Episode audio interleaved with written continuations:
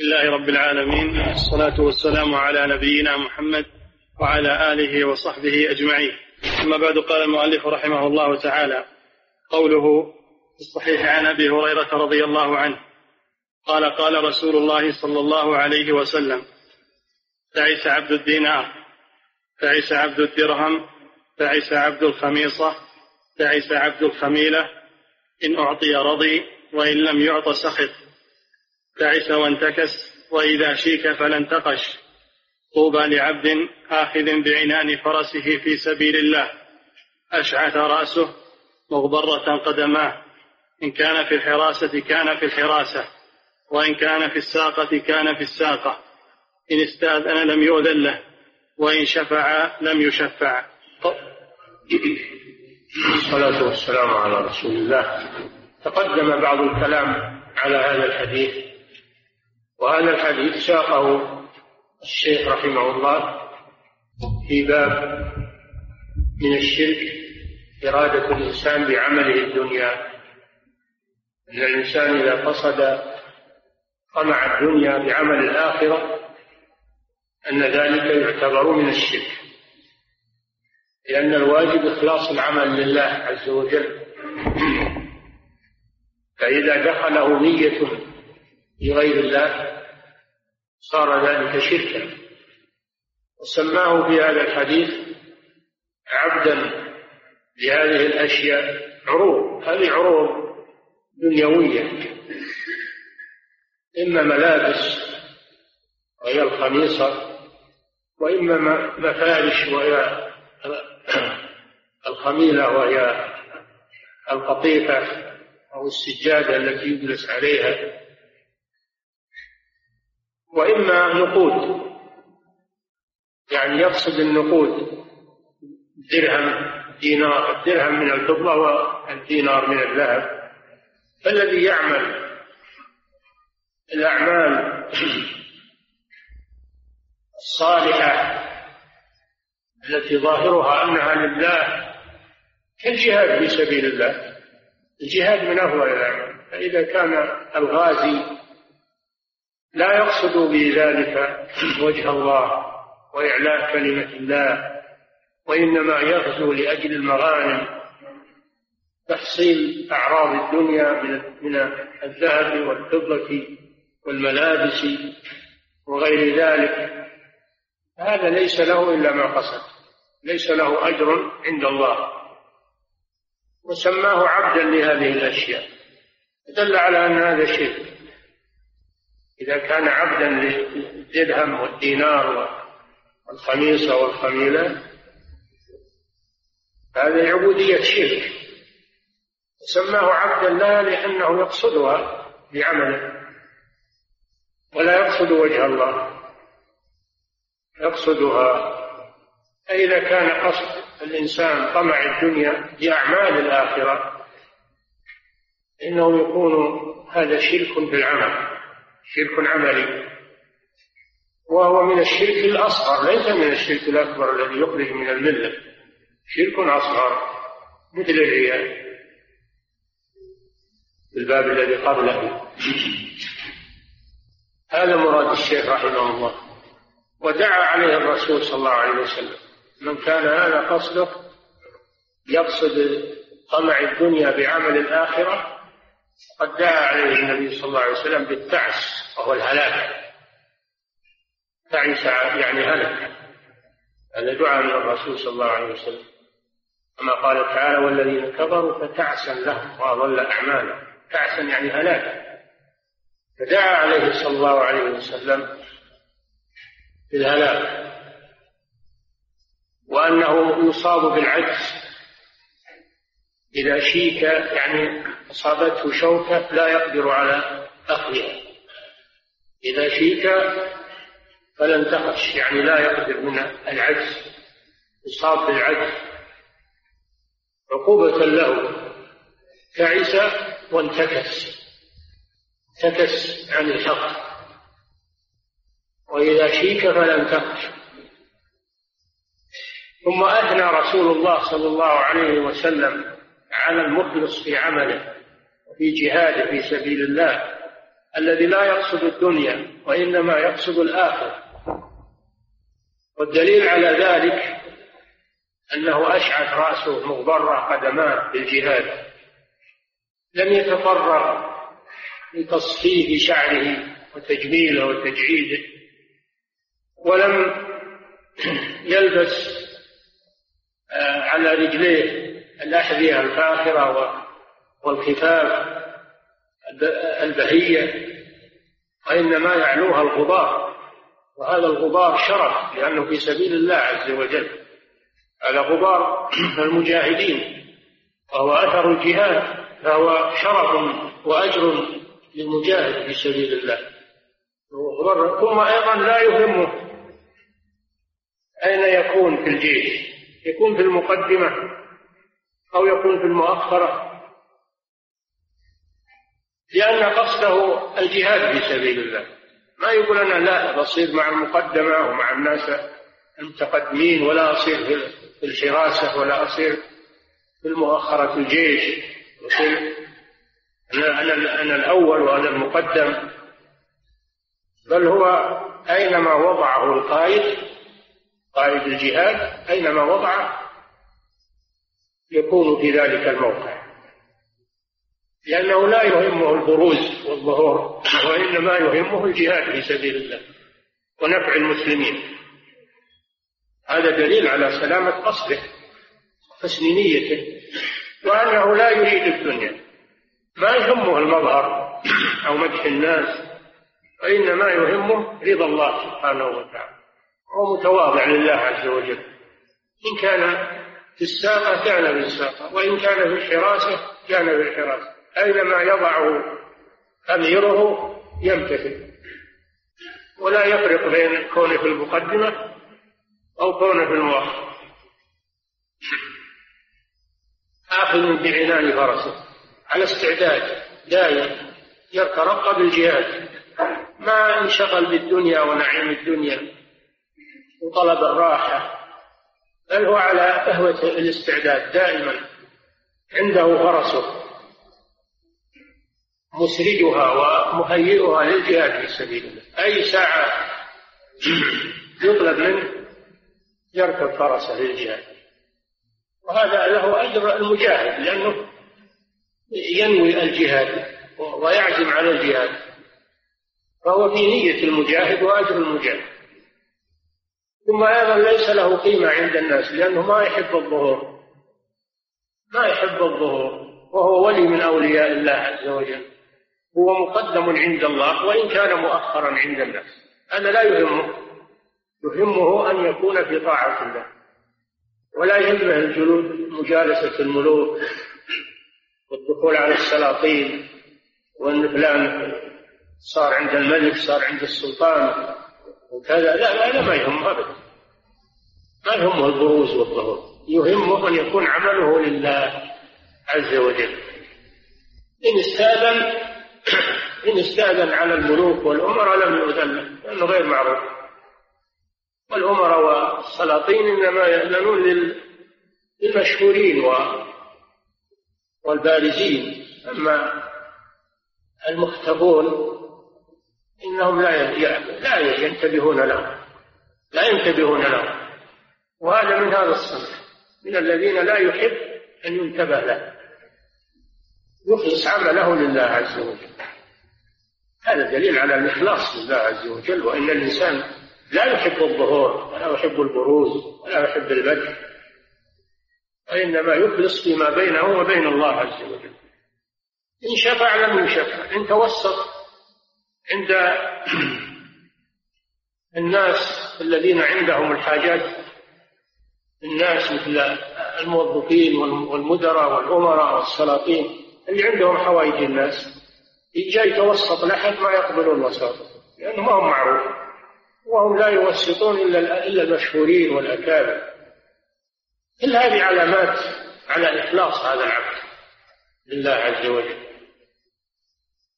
فهذا هو الذي أثنى عليه رسول الله صلى الله عليه وسلم. لأنه مخلص لله ولا يحبه ولا يحب الظهور والبروز والمدح والثناء. أبدا. إنما يهمه رضا الله عز وجل ويخفي أعماله يخفيها عن الناس ولهذا قال صلى الله عليه وسلم رب أشعث أغبر مدفوع بالأبواب لو أقسم على الله لا أبر منهم البراء ابن مالك. هذا الذي لا يراه الناس شيئا إذا كان مخلصا لله فإنه يكون مقدما عند الله. لو أقسم على الله لأبره وأعطاه ما يريد. ولكنه إذا طلب من الناس شيء ما يعطونه لأنه ما هو هو معروف عنده وكل هذا فيه الحث على الإخلاص والتواضع عدم الظهور وعدم البروز. وأن الإنسان يخلص نيته لله عز وجل ولا يريد الدنيا إنما يريد الآخرة بأعماله وأقواله. هذا هو المخلص الذي يريد وجه الله سبحانه وتعالى. هذا فرق ما بين الرجلين الذي في أول الحديث هذا يريد الدنيا عبد الخميصة عبد الخميلة عبد الدرهم عبد الدينار هذا يريد الدنيا. أما الرجل الذي في آخر الحديث هذا هو عبد الله المخلص الذي يريد الآخرة. ففيه الحث على الإخلاص لله عز وجل في أمور العبادة أما أمور الدنيا الذي يريد الدنيا يطلبها بوسائل الدنيا. يحترف يبيع ويشري يتاجر لا بأس. أما أنك تطلب الدنيا بعمل الآخرة هذا هو المذموم. أما إذا طلبت الدنيا بالأسباب المباحة هذا مباح لا حرج عليه إنك تبيع وتشري وتكتسب وتأجر نفسك وتأجر محلاتك وتطلب الرزق أو تزرع. هذا كله لا هذه أسباب مباحة. طلب الرزق مباح. ولا تلام عليه. بل أنت مأمور بهذا. لكن لا لا تطلب الدنيا بعمل الآخرة. هذا هو المقصود. خل عمل الآخرة للآخرة. وعمل الدنيا للدنيا. نعم. قوله في الصحيح في صحيح البخاري. نعم. قوله تعس هو بكسر العين ويجوز الفتح. تعس وتعس نعم. أي سقط والمراد هنا هلك. سقط وهلك. نعم. قال الحافظ. نعم. وقال أبو السعادات يقال تعس يتعس إذا أثر وانكب لوجهه. وهو دعاء عليه بالهلاك يعني الأصل في اللغة أن تعيس معناه سقط. وأما في الشرع والمراد به في الحديث معناه الهلاك. نعم. قوله تعس عبد الدينار تعس عبد الدرهم سماه عبدا له لكونه هو المقصود بعمله.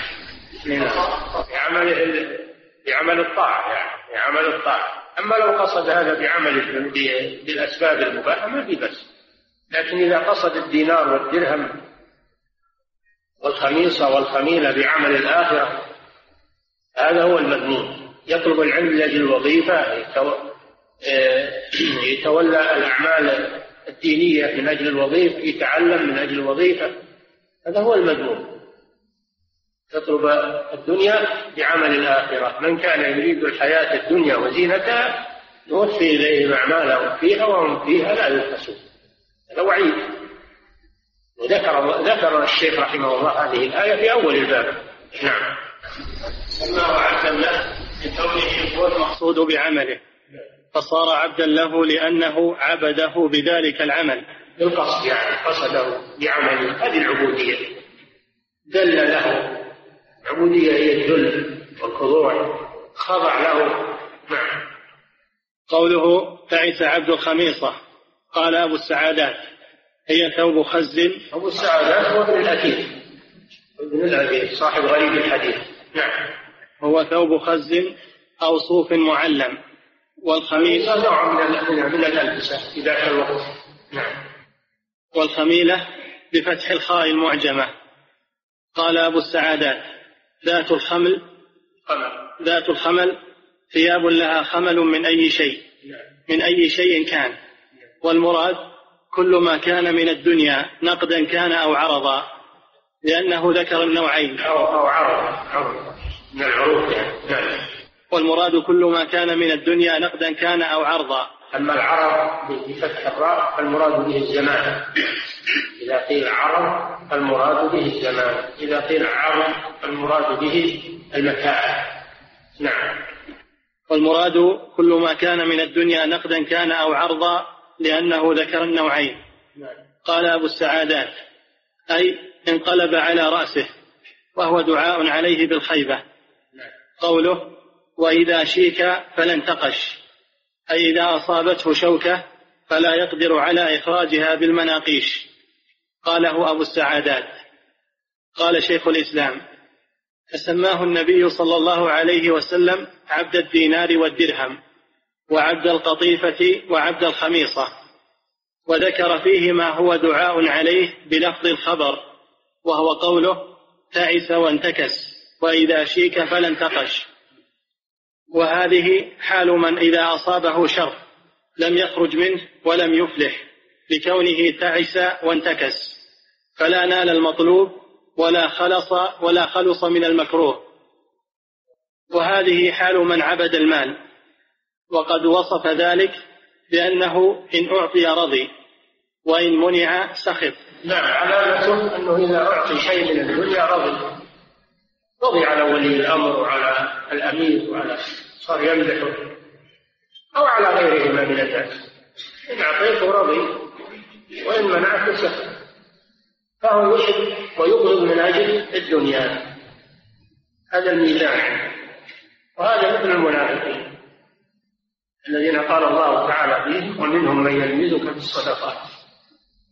يلمزون الرسول صلى الله عليه وسلم. فنقصون الرسول. ومنهم من يلمزك في الصدقات فإن أعطوا منها رضوا وإن لم يعطوا منها إذا هم يسخطون. يعني يريدون الدنيا يوالون عليها ويعادون عليها. حتى خير الخلق وهو محمد صلى الله عليه وسلم. إن أعطاهم رضوا عنه وإن لم يعطوه سخطوا عليه. لأن همهم الدنيا. ولو أنهم رضوا ما آتاهم الله ورسوله.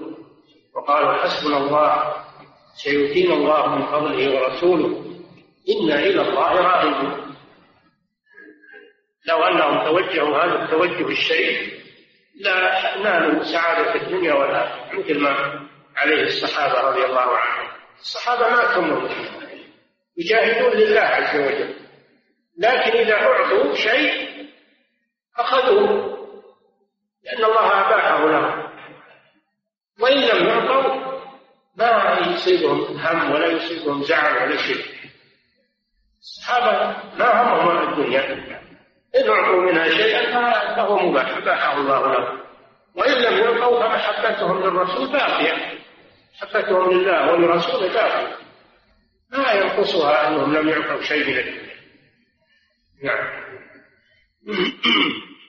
وقد وصف ذلك بأنه إن أعطي رضي وإن منع سخط فرضاه لغير الله وسخطه لغير الله. وهكذا حال من كان متعلقا برياسة أو صورة ونحو ذلك من أهواء نفسه إن حصل له رضي وإن لم يحصل له سخط. فهذا عبد العلامة على ذلك. المؤمن كل واحد يعني يعطى ولا ما يعطى؟ إيمانه هو هو لا يزيد ما ما يتضاعف ما ينقص إيمانه أو يضعف بل يزيد إيمانه. لأنه قصده الدنيا. قصده رضا الله سبحانه وتعالى ثواب الآخرة هذا قصد المؤمن. أما المنافق فهو بالعكس. يقصد الدنيا إن أعطي رضي وإن لم يعطى سخط نعم. فهذا عبد ما يهواه من ذلك وهو رقيق له. إذ الرق والعبودية في الحقيقة رق القلب وعبوديته. لهذا كان النبي صلى الله عليه وسلم يعطي ناسا وإن كانوا من أبغض الناس إليه ويحرم ناسا وإن كانوا من أحب الناس إليه. يكلهم إلى إيمانهم يحرم ناس من أفاضل الصحابة ما يعطيهم يكلهم إلى إيمانهم ويعطي ناسا يخاف عليهم من النار لأنه لو لم يعطهم لا انفتشوا فهو يتألفهم عليه الصلاة والسلام.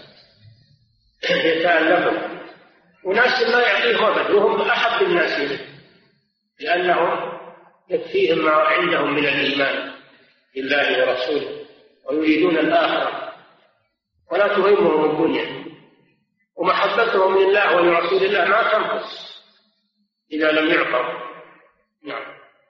إذ الرق والعبودية في الحقيقة رق القلب وعبوديته. فما استرق القلب واستعبده فهو عبده. إلى أن قال وهكذا أيضا حال من طلب المال فإن ذلك يستعبده ويسترقه. وهذه الأمور نوعان فمنها ما يحتاج إليه العبد كما يحتاج إلى طعامه وشرابه ومنكحه ومسكنه ونحو ذلك فهذا يطلبه من الله ويرغب إليه فيه فيكون المال عنده يطلبه من الله ويرغب إلى الله ذلك ويبذل الأسباب المباحة يبذل الأسباب المباحة لنيل الرزق.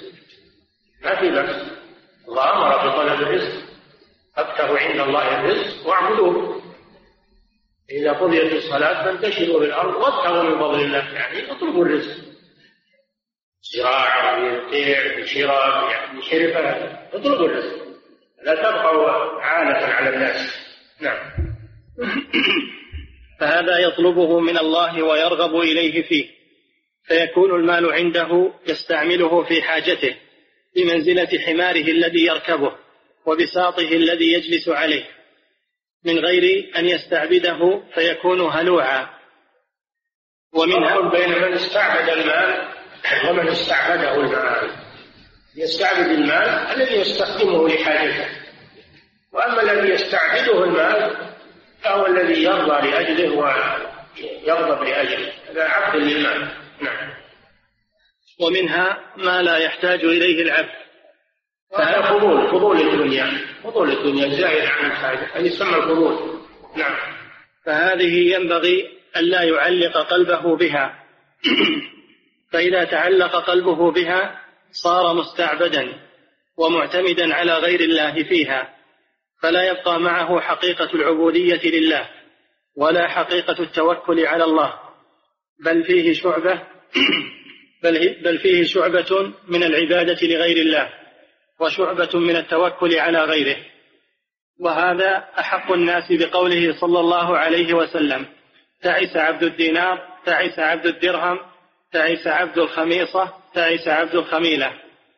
وهذا عبد لهذه الأمور ولو طلبها من الله. فإن الله إذا أعطاه إياها رضي وإن منعه إياها سخط. العبد لا يؤثر على رضا الله لا يؤثر على طاعة الله ورضا الله شيء. قل إن كان آباؤكم وأبناؤكم وإخوانكم وأزواجكم وعشيرتكم وأموال اقترفتموها وتجارة تخشون كسادها ومساكن ترضونها أحب إليكم من الله ورسوله وجهاد في سبيله فتربصوا حتى يأتي الله بأمره هذا تهديد من الله سبحانه وتعالى. فالذي يؤثر الدنيا على طاعة الله وعلى رضا الله متوعد بهذا الوعد. فتربصوا انتظروا حتى يأتي الله بأمره بالنقمة العاجل. والله لا يهدي القوم الفاسقين. وعيد شديد الذي يؤثر الدنيا على رضا الله سبحانه وتعالى. الذي يجلس يبيع ويشري يخلي الصلاة مع الجماعة. هذا عبد لله. الله جل وعلا يقول يا أيها الذين آمنوا إذا نودي للصلاة من يوم الجمعة فاسعوا إلى ذكر الله وأذروا البيع. ذلكم خير لكم إن يا أيها الذين آمنوا لا تلهكم أموالكم ولا أولادكم عن ذكر الله من يفعل ذلك أولئك هم الخاسرون. نعم. وهذا عبد لهذه الأمور ولو طلبها من الله. فإن فإن الله إذا أعطاه إياها رضي وإن منعه إياها سخط. وإنما عبد الله من يرضيه ما يرضي الله ويسخطه ما يسخط الله ويحب ما أحب الله ورسوله ويبغض ما أبغض الله ورسوله ويوالي أولياء الله ويعادي أعداء الله فهذا الذي استكمل الإيمان انتهى ملخصا كلام طيب نعم. قوله طوبى لعبد روى الإمام أحمد عن حسن بن موسى قال سمعت عبد الله بن لهيعة قال حدثنا دراج أبو السمح أن أبا الهيثم حدثه عن أبي سعيد الخدري عن رسول الله صلى الله عليه وسلم أن رجلا قال يا رسول الله طوبى لمن رآك وآمن بك. قال طوبى لمن رآني وآمن بي. ثم طوبى ثم طوبى ثم طوبى لمن آمن بي ولم يرني. قال له رجل وما طوبى؟ قال شجرة في الجنة مسيرة مائة عام. ثياب أهل الجنة تخرج من أكمامها. له شواهد في الصحيحين. نعم يعني طوبى معناها شجرة الجنة. نعم. وقد روى ابن جرير عن وهب بن منبه ها هنا أثرا غريبا عجيبا. قال وهب إن في الجنة شجرة إن في الجنة شجرة يقال لها طوبى. يسير الراكب وهب بن منبه كان من علماء الكتاب في اليمن. ثم أسلم ثم أسلم من الله عليه بالإسلام وهو من أحبار من أحبار أهل الكتاب. نعم. إن في الجنة شجرة يقال لها طوبى يسير الراكب في ظلها مائة عام لا يقطعها. زهرها رياض وورقها برود وقضبانها عنبر وبطحاؤها ياقوت وترابها كافور ووحلها مسك. يخرج من أصلها أنهار الخمر واللبن والعسل وهي مجلس لأهل الجنة. فبينما هم في مجلسهم إذ أتتهم الملائكة من ربهم يقودون نجبا مزمومة بسلاسل من ذهب وجوهها كالمصابيح من حسنها ووبرها كخز المرعزة من لينه. عليها رحال ألوانها من ياقوت. ودفوفها من ذهب وثيابها من سندس واستبرق. فينيخونها ويقولون إن ربنا أرسلنا إليكم لتزوروه وتسلموا عليه. قال فيركب فيركبونها. قال فهي أسرع من الطائر وأوطر من الفراش خبا من غير مهنة. يسير الرجل يسير الرجل إلى جنب أخيه وهو يكلمه ويناجيه. لا تصيب أذن راحلة منها أذن صاحبتها ولا برك راحلة ولا برك راحلة برك الأخرى. حتى إن الشجرة لتنتحي عن طريقهم لئلا تفرق بين الرجل وأخيه. قال فيأتون إلى الرحمن الرحيم فيسفر لهم عن وجهه الكريم حتى ينظروا إليه. فإذا رأوه قالوا اللهم أنت السلام ومنك السلام وحق لك الجلال والإكرام. قال فيقول تبارك وتعالى عند ذلك أنا السلام ومني السلام وعليكم حقت رحمتي ومحبتي. مرحبا بعبادي الذين خشوني بالغيب وأطاعوا أمري. قال فيقولون ربنا إنا لم نعبدك حق عبادتك ولم نقدرك حق قدرك فأذن لنا بالسجود قدامك. قال فيقول الله إنها ليست دار عبادة ولا نصب. ولكنها دار ملك ونعيم. وإني قد رفعت عنكم نصب العبادة. فسلوني ما شئتم. فإن لكل رجل منكم أمنيته. فيسألونه. حتى إن أقصرهم أمنية ليقول ربي تنافس أهل الدنيا في دنياهم فتضايقوا. رب فآتني مثل كل شيء كانوا فيه. من يوم من يوم خلقتها إلى أن انتهت الدنيا. فيقول الله تعالى لقد قصرت بك أمنيتك ولقد سألت دون منزلتك. هذا لك مني لأنه ليس في عطائي نكد ولا قصر يد. قال ثم يقول اعرضوا على عبادي ما لم تبلغ أمانيهم التي في أنفسهم. فيكون فيما يعرضون عليهم فيما يعرضون عليهم براذين مقرنة. على كل أربعة منها سرير من ياقوتة واحدة. على كل سرير منها قبة من ذهب مفرغة. في كل قبة منها فرش من فرش الجنة مظاهرة. في كل قبة منها جاريتان من الحور العين. على كل جارية منهن ثوبان من ثياب الجنة. وليس في الجنة لون إلا وهو فيهما ولا طيب إلا وقد عبق بهما. ينفذ ضوء وجههما غلظ القبة حتى يظن من يراهما أنهما دون القبة.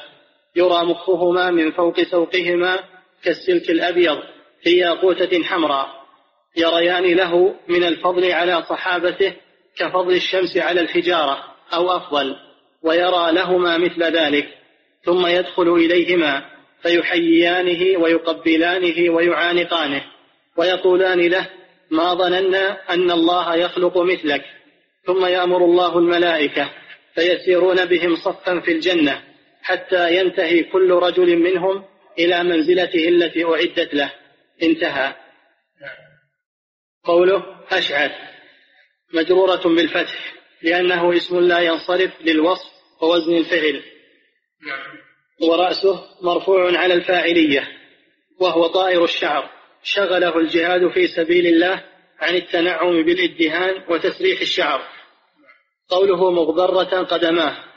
هو بالجر هو بالجر ومطلوب من الإنسان انه يجمل وانه يسرح شعر راسه ويدهن كما كان يرجل شعره كما كان النبي صلى الله عليه وسلم يفعل ذلك. ولكن هذا الرجل شغله الجهاد شغله الجهاد في سبيل الله عن نفسه. نعم. مغبرة قدماه هو بالجر صفة ثانية لعبد. قوله إن كان في الحراسة.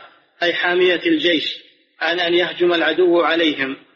قوله كان في الحراسة أي غير مقصر فيها ولا غافل. قوله وإن كان في الساقة كان في الساقة أي في مؤخرة الجيش يقلب نفسه في مصالح الجهاد وبما فيه حفظ المجاهدين من عدوهم. قال الخلخالي المعنى ائتماره بما أمر وإقامته حيث أقيم. نعم. ائتماره بما أمر وإقامته حيث أقيم يعني أنه يطيع يطيع الأمير فيما وضعه فيه من الجيش. ولا يقول لا أنا أصير مع الأولين ولا مع الأكابر. يصير حارس؟ ما يصير إني أصير حارس. لا وما ما همه الدنيا يصير حارس. يصير حامي في في آخر الجيش يتفقد ضعفه ويتفقد آه الذين يتعطلون يحملهم يساعدهم نعم. المعنى ائتماره بما أمر وإقامته حيث أقيم لا يفقد من مكانه. وإنما السمع والطاعة لولي الأمر. نعم. وإنما إلى الله. السمع والطاعة لولي الأمر. تقربا إلى الله بمصالح المسلمين. نعم. وإنما ذكر الحراسة والساقة لأنهما أشد مشقة. قوله. نعم. لأن الحارس ما ينام بالليل. الحارس ما ينام بالليل يتعرض للخطر. لكن هذا يسهل على المجاهد في سبيل الله. الخطر والإصابات هذه تسهل على المجاهد في سبيل الله بل يتلذذ بها لأنها سبيل إلى الجنة. نعم. قوله إن استأذن لم يؤذن له. أي إن استأذن على الأمراء ونحوهم لم يأذنوا له. إن استاذن لم يؤذن يعني إن استاذن بالدخول على الأمراء لم يأذنوا له وش فلان؟ هذا ما نعرف. أقول له فلان قالوا وش فلان. ما له عندنا معرفة. لا يأذنون نعم. لأنه لا جاه له عندهم ولا منزلة. لأنه ليس من طلابها. وإنما يطلب الجاه يطلب الحظوة عند ولاة الأمور. نعم. لأنه ليس من طلابها وإنما يطلب ما عند الله. قوله وإن شفع لم يشفع يعني لو ألجأته الحال إلى أن يشفع في أمر يحبه الله ورسوله لم تقبل له شفاعة عند الأمراء ونحوهم. لأنه ما هو معروف. نعم. ولا له جاه عندهم لكن هذا ما يضر عند الله عز وجل. نعم. وعن عثمان رضي الله عنه قال سمعت رسول الله صلى الله عليه وسلم يقول حرس ليلة في سبيل الله. أفضل من ألف ليلة. يصام نهارها ويقام ليلها. وروى الحافظ ابن عساكر في ترجمة عبد الله بن المبارك من طريق محمد بن ابن إبراهيم بن أبي سكينة. قال أملى علي عبد الله بن المبارك. هذه الأبيات. هذه أبيات عجيبة من عبد الله بن المبارك رحمه الله. وكان من العلماء الأفذاذ المحدثين ومن التجار جمع الله له بين العلم والثروة والغنى. وكان من المجاهدين في سبيل الله يغزو في سبيل الله. والفضيل بن عياض كان من العباد كان من العباد المنقطعين في العبادة وفي المسجد الحرام. فعبد الله بن المبارك كتب له هذه الأبيات. لأن عبد الله بن المبارك شاعر أيضا شاعر حصير. كتب له هذه الابيات يقول نحن في الجهاد أفضل منكم في العباده في المسجد الحرام. المجاهد في سبيل الله أفضل من المعتكف في المسجد الحرام. الذي يصلي ويتهجد ويصوم ويطوف بالبيت هذه عبادات عظيمة لكن الجهاد في سبيل الله أفضل منها. أفضل منها نعم قال أملى علي عبد الله بن المبارك هذه الأبيات بطرسوس؟ وودعته للخروج. وأنفذها معي إلى الفضيل بن عياض في سنة سبعين ومائة يا عابد الحرمين لو أبصرتنا لعلمت أنك في العبادة تلعب. من كان يخضب خده بدموعه فنحورنا, فنحورنا بدمائنا تتخضب. أنتم تبكون من خشية الله في الصلاة والتهجد. وهذا طيب خشوع البكاء من خشية الله هذا طيب لكن أطيب من الدم في سبيل الله. الدم في سبيل الله أفضل من الدموع من خشية الله في العبادة. نعم. أو كان يتعب. إن كان نعم. يا عابد الحرمين لو أبصرتنا لعلمت أنك في العبادة تلعب. يعني أنقص مما عندك تلعب يعني أنقص مما عندك لا ما هو بالعبادة. هذه عبادة عظيمة لكنها أنقص من الجهاد في سبيل الله. الجهاد في سبيل الله لا يعدله شيء. نعم. من كان يخضب خده بدموعه. يعني من خشية الله. نعم فنحورنا بدمائنا تتخضب. يعني في سبيل الله بالجراح والقتل. نعم. أو كان يتعب خيله في باطل فخيولنا يوم يوم الصبيحة تتعب. نعم. ريح العبير لكم ونحن عبيرنا طهج السنابك والغبار الأطيب.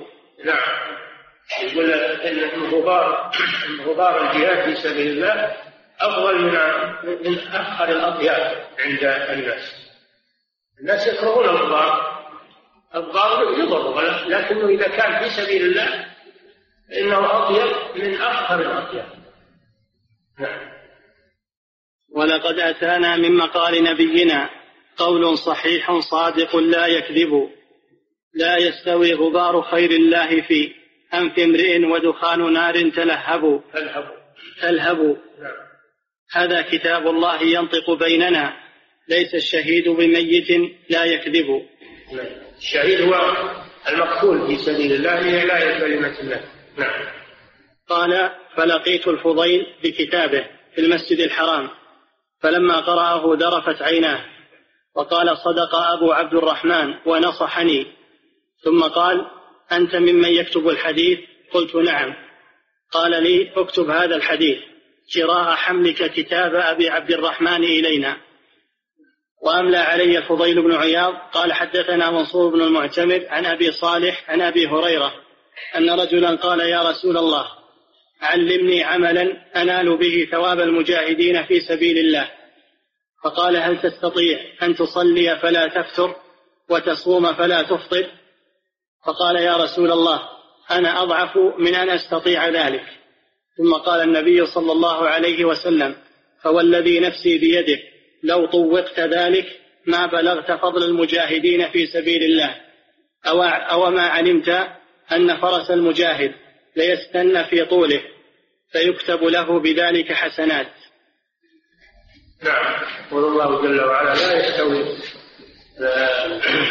القاعدون لا يستوي المجاهدون في سبيل الله.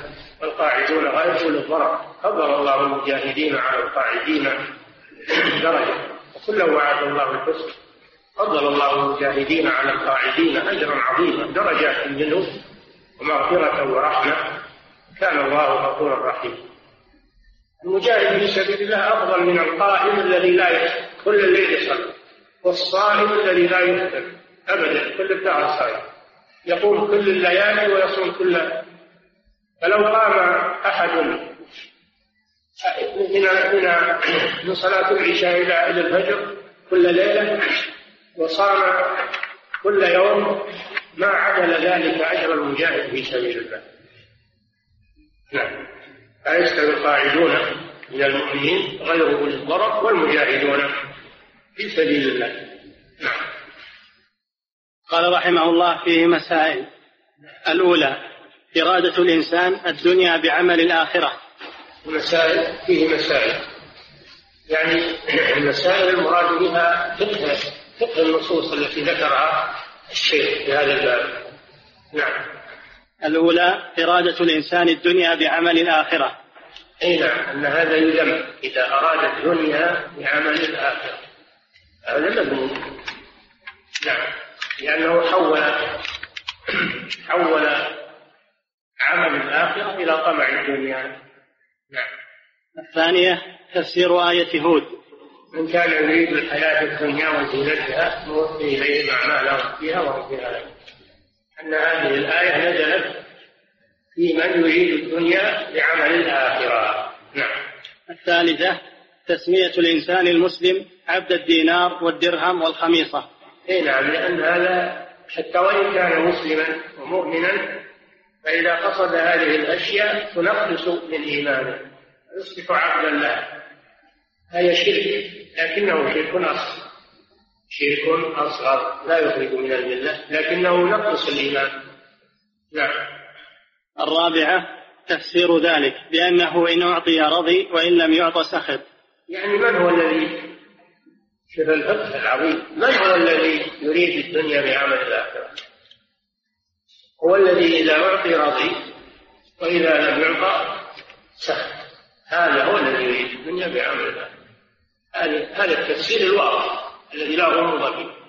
نعم إن أعطي رضي وإن لم يعطى سخط كما قال الله تعالى فإن أعطوا منها رضوا وإن لم يعطوا منها إذا هم يسقطون نعم.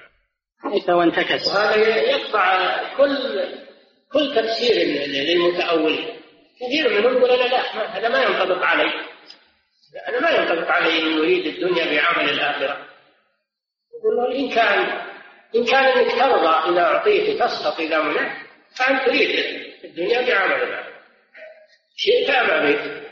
الله جل وعلا هو الذي قال هذا. والنبي صلى الله عليه وسلم هو الذي قال هذا. نعطي راضي وإن لم نعطي سكت نعم. أن تفضل قولك؟ افضل لما في قلبك فإن كنت ترضى للدنيا وتسخط للدنيا فقد عبدتها نعم. الخامسة قوله تعس وانتكس. السادسة تعس وانتكس. ما معناها؟ معناها هلك. معناها أنه هلك. فهو يريد النجاة ويريد بها الدنيا اللي هو طمع به يريد بها الحياة. وهو في الواقع قد مات وهلك فعوقب بنقيض قصده. نعم. السادسة قوله وإذا شئت فلا انتقش إي نعم يصاب بالعجز يصاب بالعجز لا يقدر يزيل الضرر عن نفسه. عقوبة له. نعم. السابعة الثناء على المجاهد الموصوف بتلك الصفات. نعم الرسول صلى الله عليه وسلم في هذا الحديث ذكر رجلين. واحد يريد الدنيا بعمل الآخرة وواحد يريد الآخرة. وذكر أوصاف الأول وأوصاف الثاني. العلامات الفارقة. مثل المسألة دعوة. كل يقول لا أنا أريد الآخرة. لا ما هي دعوة. المسألة فيها فيها علامات تدل على الصدق والكذب. المسألة لا هي الدعوة وإنما هي حقائق وصفات اتصل بها صار من أهلها. ولو كان يدعي أنه ما هو من أهله. كل يزن نفسه في هذا الحديث. كل يزن نفسه في هذا الحديث. أين موقفه من الأعمال الصالحة؟ نعم. باب من أطاع العلماء والأمراء في تحريم ما أحل الله. يقول فضيلة الشيخ وفقكم الله. ما هي أبواب الجهاد التي ترونها في هذا الزمان وتدلون عليها للعمل فيها لنيل الثواب العظيم؟ الجهاد أنواعه كثيرة. من أراد أنه يطلع عليها يراجع زاد المعاد ابن القيم جهاد يكون الجهاد أولا بالشيطان يجاهد الشيطان وذلك بمعصية أمره وفعل نهيه. يجاهد الشيطان بفعل ما يأمرك به بفعل ما ينهاك عنه بفعل ما ينهاك عنه وترك ما يأمرك به. هذا جهاد الشيطان. ثانيا جهاد النفس. جهاد الناس النفس تحتاج إلى جهاد لأنها ما تريد العمل ولا تريد البطالة تريد الكسل تريد النوم تبخل بالمال تجبن عن القتال في سبيل الله. فإذا طاوعتها فإنها تتسلط عليك تتسلط عليك وتصير عبدا لها عبدا لهواك أضل من اتبع هواه؟ غير هدى من الله. لا بد من جهاد النفس بحملها على طاعة الله ومنعها من معصية الله وإلا فهي تجاذبك. تجاذبك إلى الشر وتبعدك عن الخير. إلا إذا روضتها وعودتها على طاعة الله عز وجل. والشاعر والنفس راغبة إذا رغبتها وإذا ترد إلى قليل تقنع. فأنت رغبت وأعطيتها ما تريد فإنها ما تجد عند حد راغبة دائما راغبة. وإذا رددتها إلى القليل وعودتها عليه قنعت توقف. أنت تدخل نفسك. وهذا جهاد ما ينقطع أبدا. جهاد مستمر. جهادك مع الشيطان وجهادك مع نفسك. الثالث جهاد العصاة من المسلمين. وذلك بالأمر بالمعروف والنهي عن المنكر. العصاة يقوم جهادهم ذلك بالأمر بالمعروف والنهي عن المنكر. الرابع جهاد المنافقين. جهاد المنافقين الذين يدلون بالشبهات ويتكلمون بالكلام القبيح فهم يحتاجون إلى جهاد لرد باطلهم والرد عليهم وكسر حججهم. لا تنسى إنهم يكونون يكونون مثقفين ومتعلمين. وعندهم قدرة على الكلام. إذا رأيتهم تعجبك أجسامهم وإذا رأيتهم تعجبك أجسامهم وإن يقولوا اسمع لقولهم عندهم فصاحة وبلاغة عندهم شبه فيما يكتبون وفيما يقولون وفيما يكتبون وفيما يؤلفون. يحتاجون إلى جهاد جاء يا أيها النبي جاهد الكفار والمنافقين واغلب عليهم ومأواهم جهنم وبئس المصير. المنافقون ما يجاهدون بالسلاح لأنهم يدعون الإسلام. يصلون ويصومون ويتعبدون مع الناس. ما يجاهدون بالسلاح يجاهدون بالحجة يجاهدون بالحجة واللسان. وذلك برد باطلهم وكشف شبهاتهم. وما أكثرهم اليوم ما أكثرهم في الإذاعات ما أكثرهم في الصحف والمجلات ما أكثرهم في المؤلفات يهجمون على المسلمين وعلى الإسلام يأتون بشبه يأتون بكلام ظاهره إنه حجج ولكنه في باطنه باطل. فهم يحتاجون إلى جهاد جهاد المنافقين.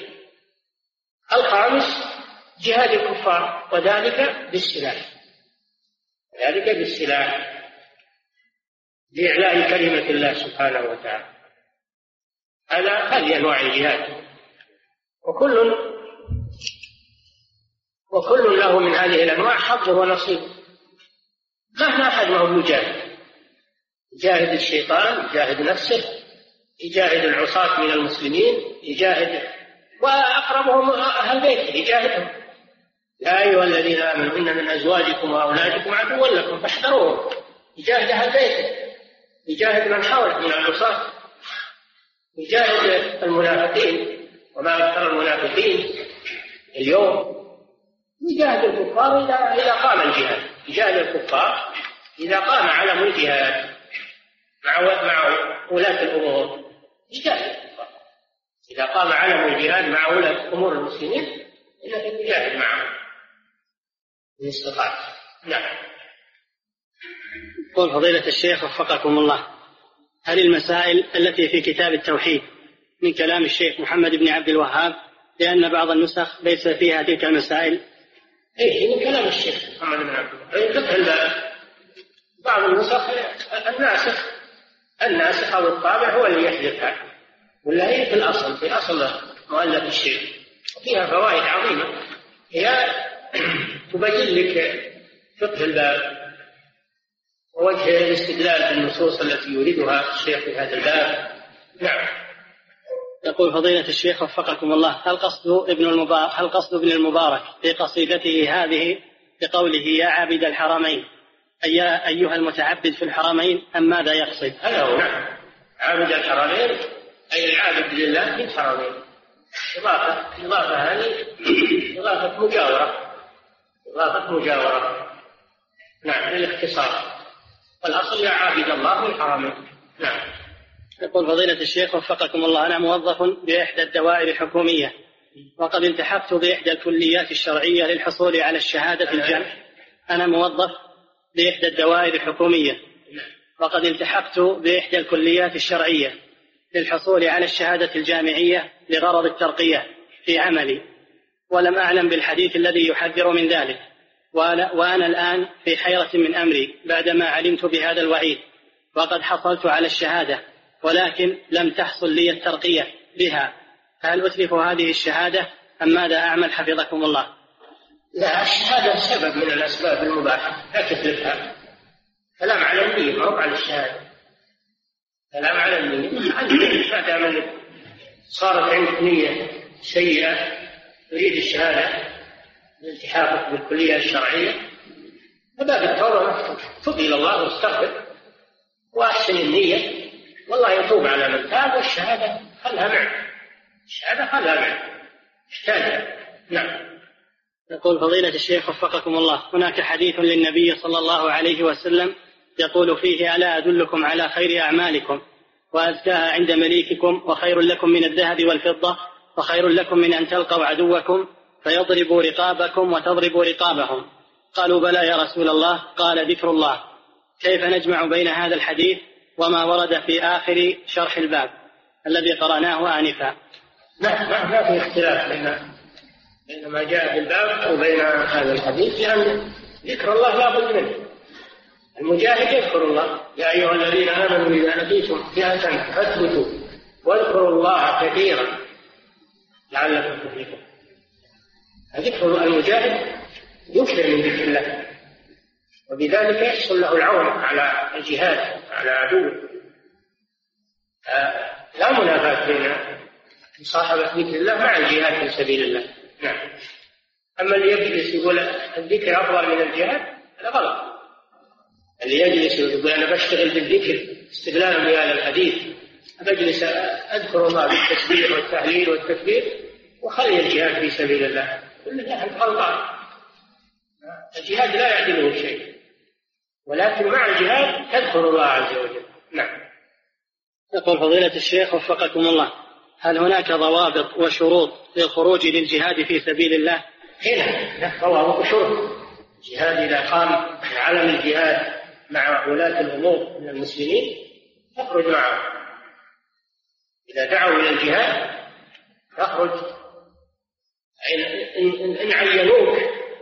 أنت قالوا يا فلان تبي تغزو تعين عليك صار فرض عين. وإذا لم يعينوك فهو مستحب. خروجك يكون مستحب من أفضل الطاعات قال الله جل وعلا يا أيها الذين آمنوا ما لكم إذا قيل لكم انذروا في سبيل الله استاقلتم إلى الأرض أرضيتم بالحياة الدنيا من الآخرة؟ فما متاع الحياة الدنيا في الآخرة إلا قليل. إذا قام علم الجهاد على يد ولي الأمر وطلب من الناس النفير فإنه يجب على المسلمين أن يخرجوا أن يخرجوا ويجاهدوا معه ومن شروطه الإخلاص في النية يكون قصد الإنسان إعلاء كلمة الله. سئل النبي صلى الله عليه وسلم عن الرجل يقاتل شجاعة ويقاتل حمية ويقاتل من أجل المغنم. أي ذلك في سبيل الله؟ قال رسول الله صلى الله عليه وسلم من قاتل لتكون كلمة الله هي العليا فهو في سبيل الله. هذا هو الفارق. من قاتل لتكون كلمة الله هي العليا فهو في سبيل الله. ولو أخذ من الغنيمة ولو أخذ ما أعطي هذا لا لا يؤثر على جهاده في سبيل الله. إذا كان قصده إعلاء كلمة الله ولم يقصد الدنيا. نعم. يقول فضيلة الشيخ وفقكم الله هل طلب العلم أفضل أم القتال في سبيل الله؟ طلب العلم أفضل. طلب العلم أفضل. إلا إذا استنفره الإمام عين. فرض العين هذا لا بد الإنسان يخرج. أما إذا ما عين فطلب العلم لا شك أنه أفضل من الجهاد في سبيل الله. يعني طالب العلم يفقه نفسه ويفقه الناس ويفقه المجاهدين ويفقه غير المجاهدين. طلب العلم لا شك انه افضل إلا إذا استنذر. قال صلى الله عليه وسلم وإذا استنذرتم فانظروا. نعم. يقول فضيلة الشيخ وفقكم الله الذي ذهب إلى الجهاد ووالداه غير راضيين غير راضيين بذلك هل يصح جهاده ولا ينقص من جزاء أجره شيء؟ ما يصح. النبي صلى الله عليه وسلم جاءه رجل يريد الغزو. قال هل لك أبوان؟ قال نعم قد تركتهما وهما يبكيان قال له صلى الله عليه وسلم ارجع إليهما فأضحكهما كما أبكيتهما. طاعة الوالدين مقدمة لا شك. طاعة الوالدين بعد حق الله حق الوالدين بعد حق الله سبحانه وتعالى. إذا كان الأمر دار الأمر بين الخروج وبين بر الوالدين فلا بد يقدم بر الوالدين. هذا في الجهاد المستحب أما الجهاد الواجب على الأعيان ينفر الإنسان ولو كان له والدة. إذا حوصرت البلد إذا حوصرت البلد أو الإمام عين أشخاص فإنه يجب عليه. إذا استنفرتم فانفروا. أما إذا كان الجهاد ما فيه استنفار ولا فيه تعيين فهو مستحب وهو من أفضل العبادات لكن بر الوالدين واجب. يقدم الواجب على المستحب. نعم. يقول فضيلة الشيخ وفقكم الله. ورد خلال القراءة لأثر لأثر نعم. وهب ورد خلال القراءة لأثر وهب بن المنبه إن في الجنة شجرة يقال لها طوبى. فهل هناك أحاديث تسند هذا الأثر؟ وهل الحديث به في مجامع الناس مستحسن وفي المواعظ كذلك؟ نعم فيه الترغيب. ما في شك الله قادر على كل شيء والجنة الجنة فيها ما لا عين رأت ولا أذن سمعت ولا خطر على قلب بشر فيها أعظم من ذلك. لا نعلم فلا مانع من ترغيب الناس بما في الجنة من, الخير. ومن والله سبحانه وتعالى فضله واسع. نعم. وقصد الشارع يوم أو المحشي يوم يورد هذا هذا الأثر قصده بيان تفسير طوبى وقبلها الحديث المرفوع إلى الرسول صلى الله عليه وسلم قال طوبى شجرة في الجنة يسير الراكب في ظلها كذا وكذا. نعم. يقول فضيلة الشيخ وفقكم الله ما توجيه فضيلتكم لنا أيها الشباب بالأحداث الجارية في هذه الأيام؟ فنحن بأمس الحاجة إلى توجيه فضيلتكم.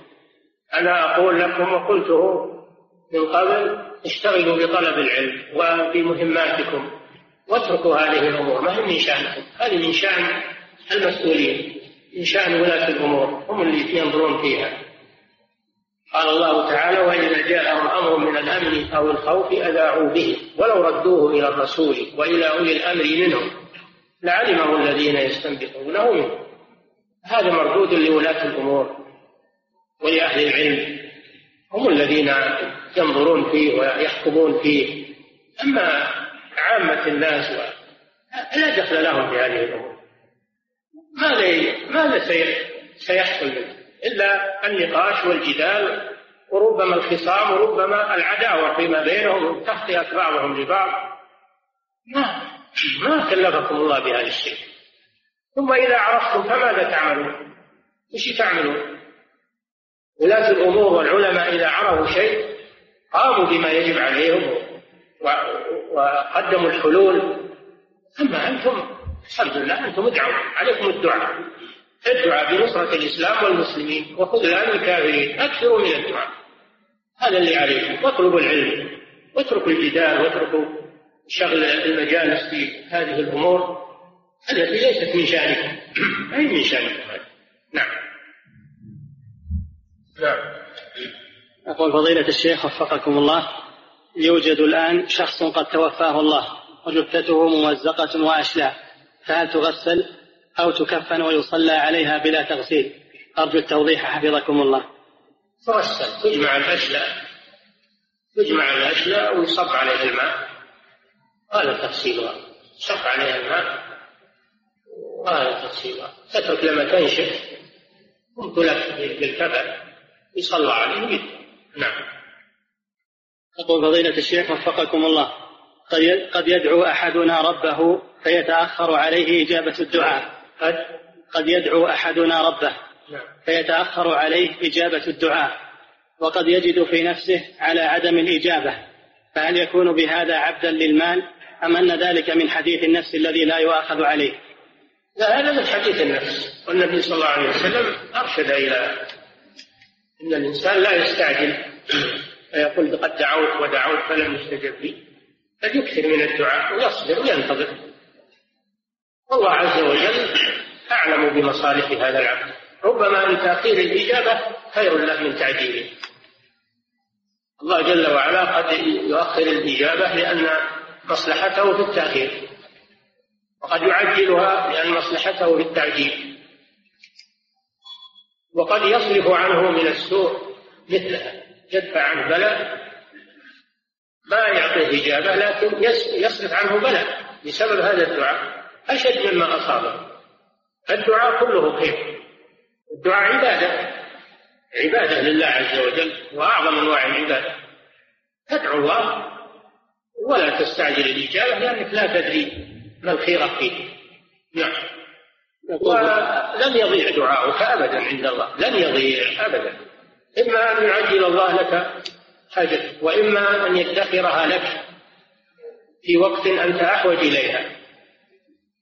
وإما أن يدفع عنك من السوء مثلها. دعاؤك لن يضيع عند الله سبحانه وتعالى.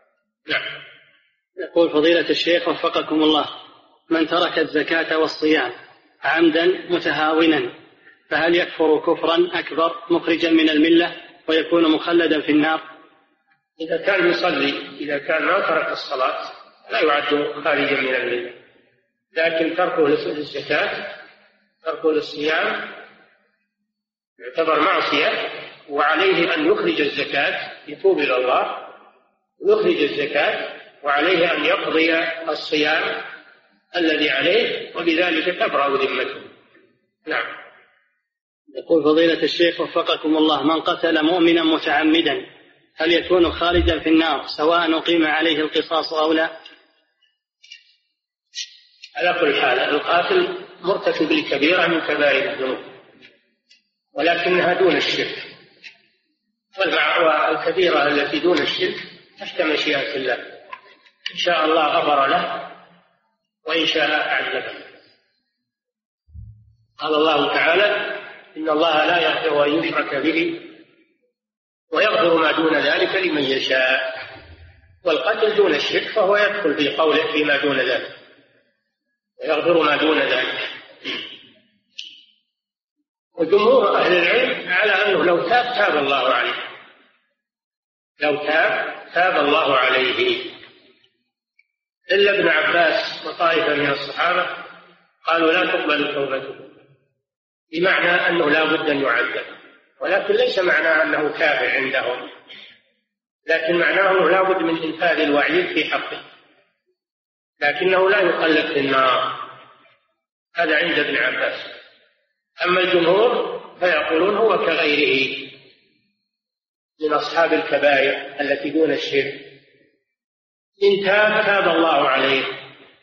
أن الله جل وعلا يقول والذين لا يدعون مع الله إلها آخر ولا يقتلون النفس التي حرم الله إلا به ولا يزنون ومن يفعل ذلك يلقى أثاما يضاعف له العذاب يوم القيامة ويخلد فيه مهانا إلا من تاب إلا من تاب وآمن وعمل عملا صالحا فأولئك يبدل الله سيئاتهم حسنات وكان الله غفورا رحيما ذكر أنه لو تاب تاب الله مثل الزاني آه، المشرك. المشرك إذا تاب تاب الله عليه فكيف لا تأتي التوبة على القتل وهو دون الشرك؟ هذا دليل جمهور أهل العلم. أما ابن عباس رضي الله عنه فالمشهور عنه أنه لا تقبل توبته بمعنى أنه لا بد من تعذيبه ولكنه لا يخلد في النار. يعذب على ذنبه ولا يخلد في النار. هذا ثمرة الخلاف بين ابن عباس والجمهور. والصحيح لا شك أنه ما عليه الجمهور. الإمام ابن القيم رحمه الله في الجواب الكافي قال إن القتل العمد العدوان يتعلق به ثلاثة حقوق. حق لله وحق لأولياء القتيل وحق للقتيل.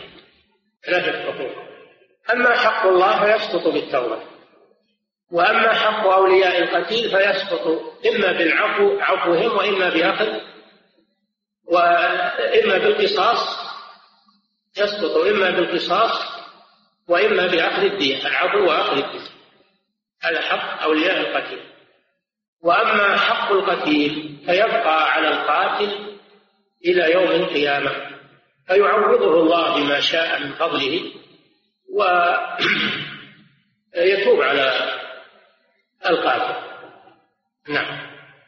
يقول فضيلة الشيخ وفقكم الله شخص يريد أن يكون إماما من أجل تعليم الناس ومن أجل الحصول على المال الذي يكفيه عن البحث عن عمل فهل يدخل فيما ذكره الرسول صلى الله عليه وسلم في حديث أبي هريرة؟ هنا. إذا كان يقصد المال فهو يدخل وإن كان يقصد العمل الصالح ويأخذ المال تبع فقط يأخذه تبعا لا قصدا فلا بأس. لكن تكون نيته خالصة لله وطلب الأجر وإذا أعطي شيئا من المال يأخذه ليستعين به على طاعة الله. نعم. يقول فضيلة الشيخ وفقكم الله أنا أعمل في عمل بعيد عن والدي وأريد أن أتحول إلى عمل آخر قريب من والدي المريض. أنا أنا أعمل في عمل بعيد عن والدي نعم. وأريد أن أتحول إلى عمل آخر قريب منه قريب من والدي المريض وقد وجدت شخصا أدفع له مبلغا من المال ليقوم بتحويلي من عملي الأول إلى العمل الآخر بدون أي ضرر على أحد. فهل أدفع له أم لا؟ لا بأس. إذا تصالحت أنت وياه على هذا وتنازل عن عن حقه في مقابل ما تدفعه له ما في مانع. لأن هذا حق له. حق له. إذا تنازل عنه لوجه الله هذا أطيب وإذا لم يتنازل إلا بعوض فادفع إليه العوض. ما في مانع. ليس هذا من الرشوة. الرشوة هذه تدفع للمدير أو للموظف أو للمسؤول. أما موظف في مكان وراغب في هذا المكان تقول له تحول عن هذا المكان وأعطيك شيء من المال. يتنازل ويتحول هذا لا بأس. نعم. هذا تنازل عن حقه نعم. يقول فضيلة الشيخ وفقكم الله يلاحظ في الآونة الأخيرة خصوصا في الظروف الصعبة ظهور التبرج والسفور بين النساء وخصوصا الأجانب. فما توجيهكم لنا في التعامل معهم حفظكم الله. النصيحة والموعظة. النصيحة والموعظة لهؤلاء. لعل الله أن يهديهم. فإن لم يمتثلوا ورأيتم منهم استمرار في السفور وفي فارفعون إلى الهيئات. ترفعون إلى المسؤولين الهيئات بعلاج هذه القضية. نعم. ما تسكتون نعم. يقول فضيلة الشيخ وفقكم الله. تم تعيين زوجتي قبل خمس قبل خمس سنوات خارج مدينة الرياض ولم أستطع نقلها علما بأن هناك معلمات أقل منها خدمة تم نقلهن للرياض فوجدت معقبا وقد طلب مبلغا كبيرا فقال سوف أراجع أوراقها وأنقلها فما حكم ذلك؟ وهل أدفع له المال؟ هذا رشوة. هذا كذاب المراجع هذا متفق مع المصلحين إنه ياخذ المبلغ ويتقاسمونه وينقلون زوجك المراجع ما له قدرة ينقل زوجك ما ما ناقلها إلا الموظفون والمدراء. وما يقدر ينقل زوجك إيش اللي يدري ينقل زوجك وياخذ مبلغ إلا إنه له اتفاق مع المسؤولين. قالوا تجيب المبلغ وحنا ندبرها ونتقاسم المبلغ. هذه رشوه لا تدفعها. لا تدفعها ابدا. واطئين على هذا الشيء قاعدين سماسرة يمشون على الناس ويقولون لهم نحن ننقل اللي تريدون نقله على انكم تعطونا مبلغ طيب واحد من خارج السوق كيف تنقل؟ النقل ما هو عندك عند المسؤولين. لولا أنهم تواطئين معهم على أنهم تقاسمون هذا المبلغ ما حصل اللي يقول. نعم. يقول فضيلة الشيخ وفقكم الله نحن ندرس التربية الإسلامية بفضل الله تعالى وأحيانا يجد الإنسان في نفسه شيئا من الرياء والفخر. نحن ندرس التربية الإسلامية بفضل من الله وأحيانا يجد الإنسان في نفسه شيئا من الرياء والفخر بحكم ضعف ضعف الإنسان. ونحن نحاول بقدر ما نستطيع دفع ذلك. فما هو توجيهكم حفظكم الله؟ توجيه هو ما ذكرته. انكم تدفعون هذا تستعيذون بالله من الشيطان. تدفعونه ولا يضرك إن شاء الله.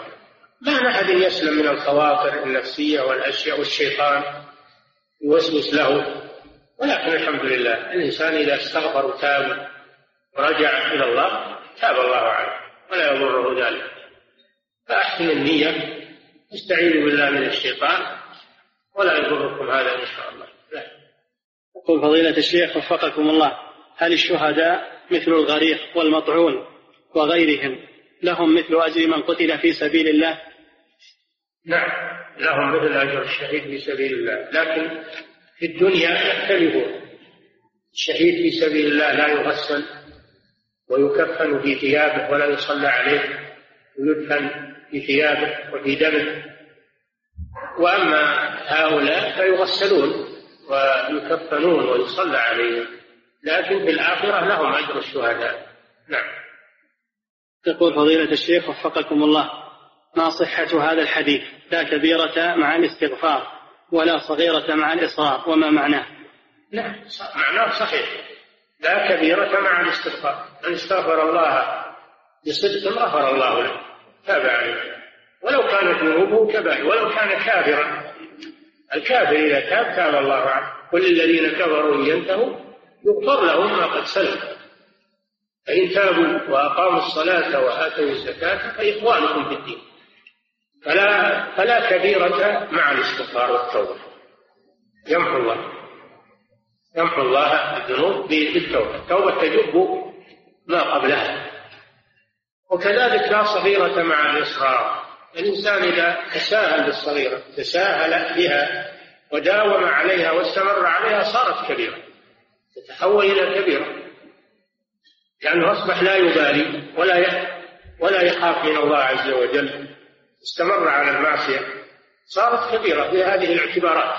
هي أصلها صغيرة لكن احتف بها من الإصرار والمداومة وعدم الحياة من الله ما صيرها كبيرة. نعم. يقول فضيلة الشيخ وفقكم الله ما حكم إهداء ثواب الأعمال للأحياء؟ الذي ورد به الدليل لا بأس. ورد فيه الدليل لا بأس. للأحياء وللأموات أما اللي ما ورد به الدليل فلا. قال ليس للإنسان إلا ما سعى نعم. يقول فضيلة الشيخ وفقكم الله ما حكم التسمية ما حكم التسمية بقولك عبد الله العبد الله أو عبد اللطيف العبد اللطيف؟ فكأنك تصف هذا الشخص بأنه هو اللطيف وبأنه هو الله. لا ما هو هذا القصد. هذه مسهلة. العبد معناه آل آل عبد. آل يعني قرابة. صار العوام يسهلون. يقولون العبد الله العبد اللطيف. وهو أصبح آل عبد اللطيف. آل عبد الله. نعم. يقول فضيلة الشيخ وفقكم الله كيف نجمع بين قول النبي صلى الله عليه وسلم هل تستطيع أن تصلي فلا تفتر وتصوم فلا تفطر؟ وبين قوله عليه الصلاة والسلام للثلاثة النفر وأصوم وأفطر فمن رغب عن سنتي فليس مني. هذا من باب الفرض. أو من باب الواقع والعمل. من باب الفرض. أنه لو فرض أنه يصوم ولا يفطر ويقوم ولا يفطر ما عاد للمجاهد هذا من باب الفرضية لا من باب الواقع والعمل. نعم. الله تعالى أعلم وصلى الله وسلم على نبينا محمد وعلى آله وسلم